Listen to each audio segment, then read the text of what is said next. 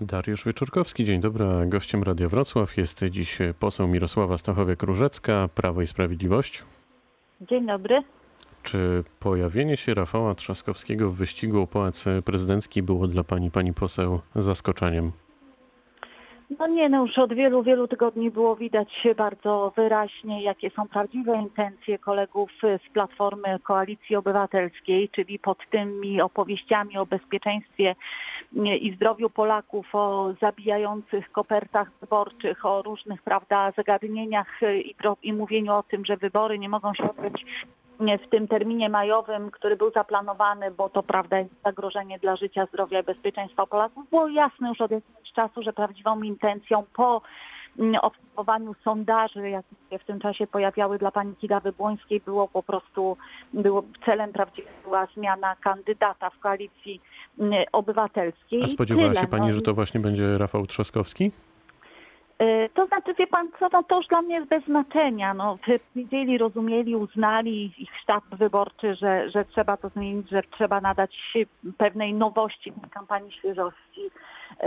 Zresztą o tyle to jest dla mnie zdumiewające, bo ja pierwszy raz chyba na scenie politycznej, od kiedy tak czynnie w niej uczestniczę, za, zaobserwowałam taki totalny brak lojalności i współpracy wobec własnego kandydata, w tym wypadku własnej kandydatki. To naprawdę było, mm, e, to co obserwowaliśmy było naprawdę dość żenujące. Wypieranie się, że nie, że wszystko jest w porządku, nie zmienimy kandydatki, a potem jednak ta zmiana, no ja przypomnę, że ci wszyscy, którzy dziś mówią, że wyłącznie za te niskie sondaże za porażkę odpowiedzialna jest pani marszałek Kidawa-Błońska, naprawdę są mm, cyniczni, no bo przecież miała stat, miała wsparcie, no jak się okazuje wątpliwe I, i za ten wizerunek i za ten wynik, który miała na końcu odpowiadają również jej koledzy z Platformy, którzy dziś uważają, że nic się nie stało i teraz stoją przy Trzaskowskim. A czy Rafał Trzaskowski będzie i jest e, najgroźniejszym rywalem dla prezydenta Andrzeja Dudy? Szanowni Państwo, Panie Redaktorze, nie może być groźnym rywalem ktoś, kto jest po prostu nieodpowiedzialny, kto jest takim e, skupionym na sobie, dość narcystycznym, trzeba powiedzieć, politykiem, bo człowiek, który kompletnie nie ma żadnej refleksji ani poczucia, że trzeba z pewnymi rzeczami się zmierzyć albo przynajmniej podjąć próbę wytłumaczenia swoim wyborcom, co się stało i zadeklarowania, że tak jest źle, jak na przykład było z Czajką, naprawimy to.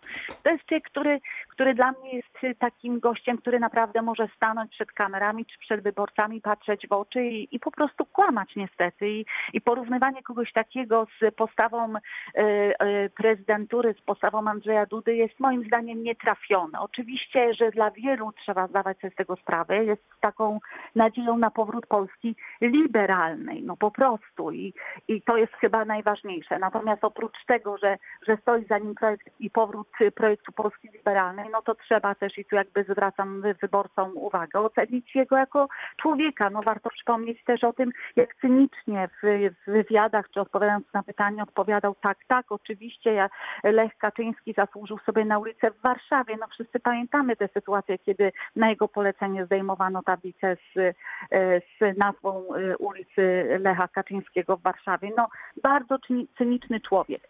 E, także, to czy w no, takim razie wejdę w słowo, pani poseł? Jak to, jak to się potoczy. To tak? czy w takim razie tak wielu Polaków E, e, Rafał Trzaskowski jest e, w stanie oszukać, patrząc na te ostatnie sondaże, czy to jest może taki chwilowy trend, efekt świeżości na przykład?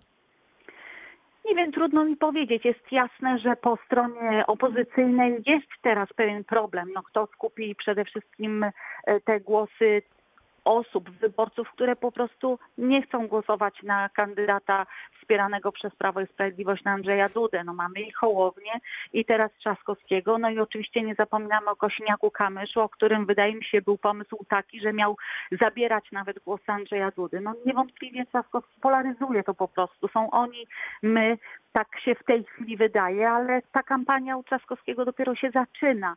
No zobaczymy, co będzie dalej. Na, na razie początek to jest naprawdę y, no, kłamstwo, cynizm i manipulacja, no bo warto też e, zauważyć i docierają i, i, do nas, i do mediów, do państwa, do dziennikarzy informacje na przykład o nielegalnym zbieraniem podpisów pod kandydaturą Trzaskowskiego, więc e, naprawdę to nie jest dobry początek. Ja myślę, że Polacy to widzą. No właśnie, pani poseł, jak to jest? Bo z jednej strony kampanii prezydenckiej niby nie ma, a, a jednak e, trochę jest.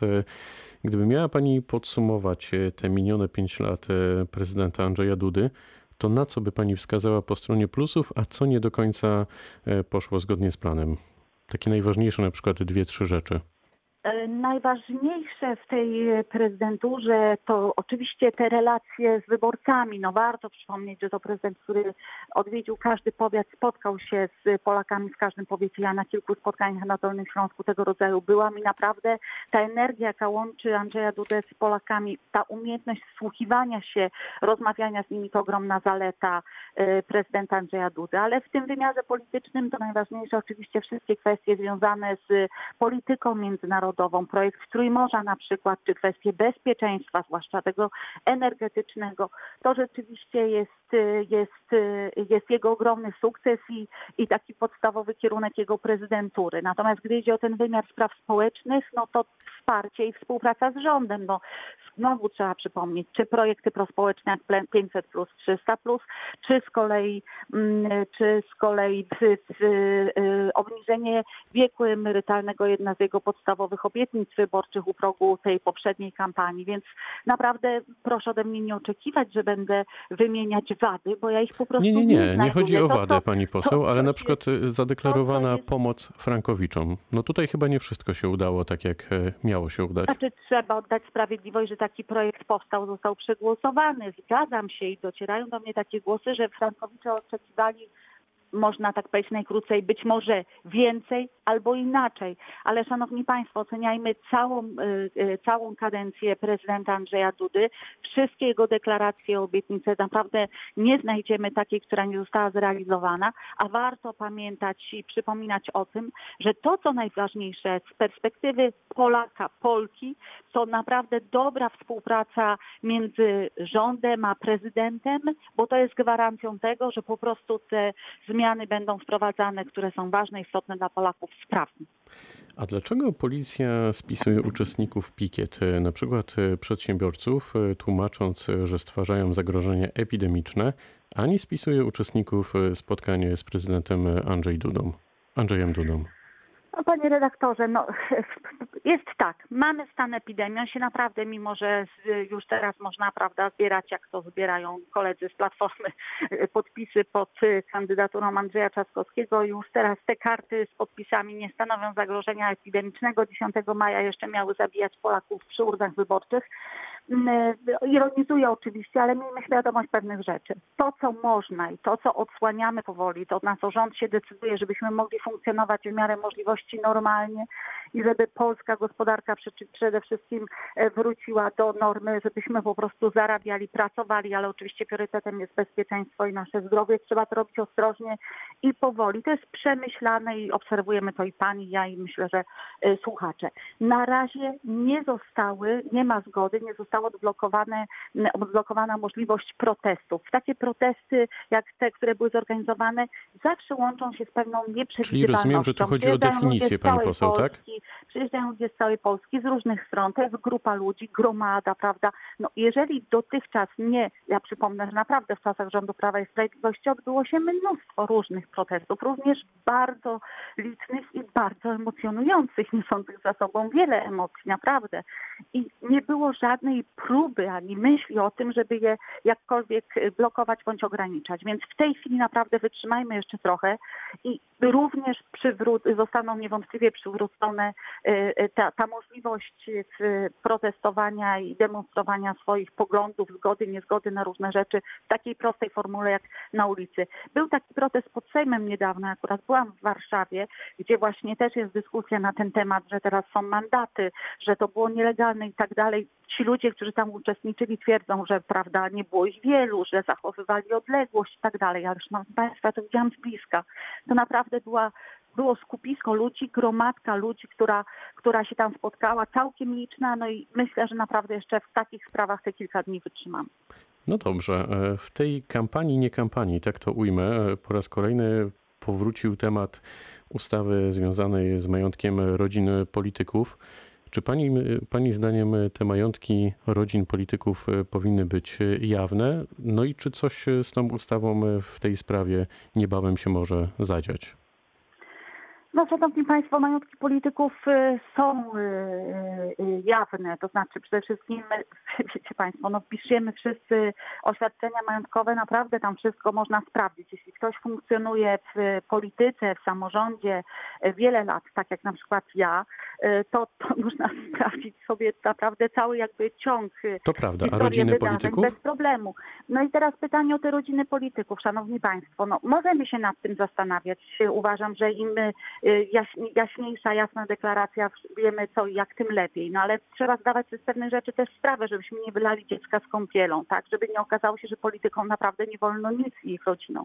Bo inną sytuacją jest żona, prawda, z którą ma się, czy mąż wspólne gospodarstwo domowe, a inną, bo w tych projektach, które się pojawiały, były tego rodzaju propozycje, inną zupełnie są na przykład dorosłe dzieci, y, synowie, y, prawda, synowe, no, no to jest jest, to już, to już być może idzie za daleko, no bo się okaże, że po prostu nie, no, no, stworzymy pewne ograniczenia w tym, że kto rzeczywiście zdecyduje się na to, żeby tym politykiem być.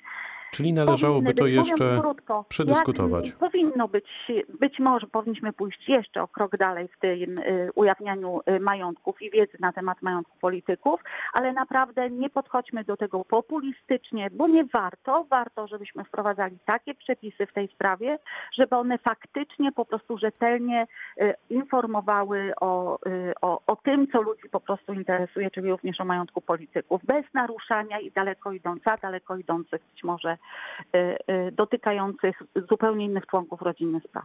To jeszcze pani poseł y, na koniec wróćmy, a może nie wróćmy, po prostu spójrzmy na Wrocław, bo prezydent Wrocławia powiedział, że straty w budżecie miasta spowodowane koronawirusem sięgają milionów złotych, a rząd nie pomaga i Jacek Sutryk ciągle czeka na tarczę osłonową. Pytanie, ile jeszcze prezydent będzie musiał czekać i czy ewentualnie e, potrafiłaby pani pomóc wskazać prezydentowi, gdzie mógłby znaleźć oszczędności?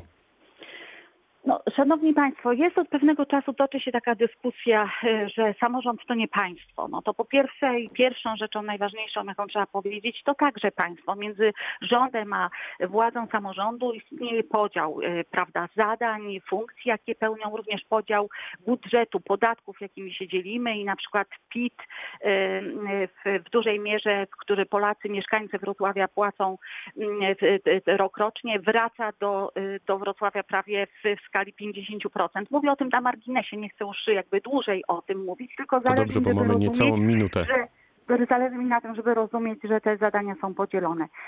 Jest jasne, że teraz najważniejszą sprawą są Polacy, ich e, przedsiębiorstwa, to, żeby nie było e, bezrobotnych, żeby dalej utrzymali stanowiska pracy i tego te tarcze przede wszystkim dotyczyły. Jak Państwo wiecie, funkcjonują fantastycznie. 170 tysięcy przedsiębiorców dostało już wsparcie.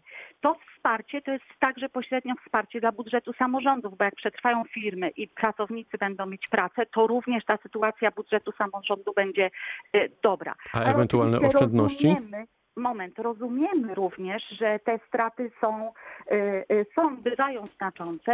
Ja słyszałam zapowiedzi pani premier Emilewicz o tym, że w kolejnym kroku pochylamy się również właśnie nad potrzebami samorządu, a to na przykład możliwość zadłużania się, a to być może inne przeliczanie janosikowego. To wszystko przed nami, zdajemy sobie sprawę, powtarzam zawsze. Szanowni Państwo, sytuacja jest trudna, wsłuchujemy się, staramy się wybierać priorytety po prostu tak, jak nam, jak uważamy, że, że, że to są, że w takiej kolejności powinny być obierane, czyli najpierw ratowanie przedsiębiorstw, zdrowie poseł, Polaków musimy kończyć. E, e, I, i praca. Przyjdzie moment, żeby wspierać również przedsiębiorców, rozumiemy ich problemy. Powiedziała poseł Mirosława Stachowiak-Różecka, Prawo i Sprawiedliwość. Bardzo dziękuję za rozmowę. Dziękuję, do usłyszenia. Pytał Dariusz Wyczurkowski. Dobrego dnia. Halo, halo.